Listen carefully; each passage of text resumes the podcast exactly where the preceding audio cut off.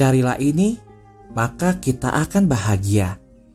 Rabu 12 Januari bacaan Injil diambil dari Markus 1 ayat 29 sampai dengan 39. Dan seluruh kota berkumpul di sekitar pintu dan dia menyembuhkan banyak orang sakit dengan berbagai penyakit dan mengusir banyak setan dan dia tidak mengizinkan setan-setan itu berbicara karena mereka mengenalnya. Dan di pagi hari beberapa orang sebelum hari dia bangun dan pergi ke tempat yang sepi dan di sana dia berdoa. Dan Simon beserta orang-orang bersamanya mengejar dia dan mereka menemukannya dan berkata kepadanya, semua orang mencarimu.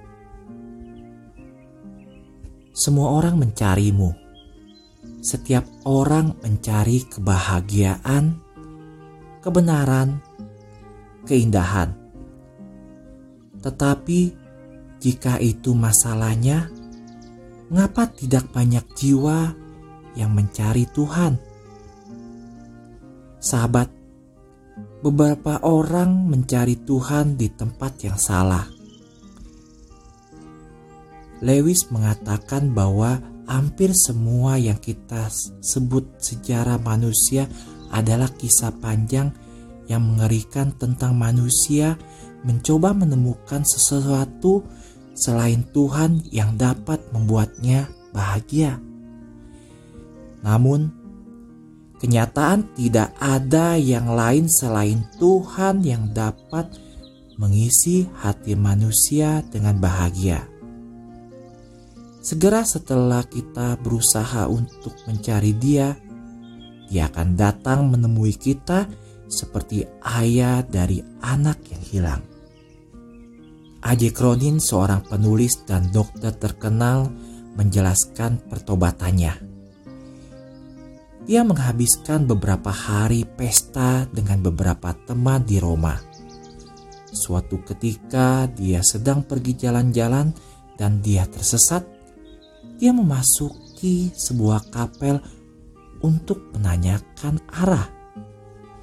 Di kapel itu sedang ada peringatan tradisi perjumpaan Yesus dengan Santo Petrus.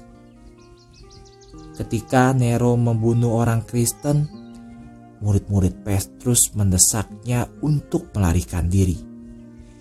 Yesus menampakkan diri kepadanya dan ketika Petrus bertanya kepadanya, Eque vadis domine, ke mana engkau pergi Tuhan?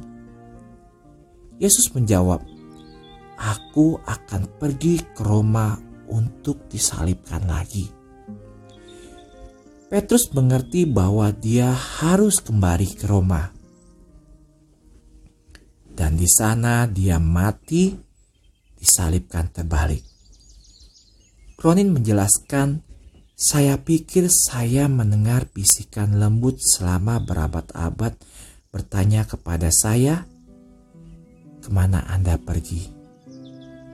Dia mengalami kekosongan dan ketidakbahagiaan, dan selalu bertanya-tanya seperti Saint Agustin, "Mengapa dia tidak bahagia?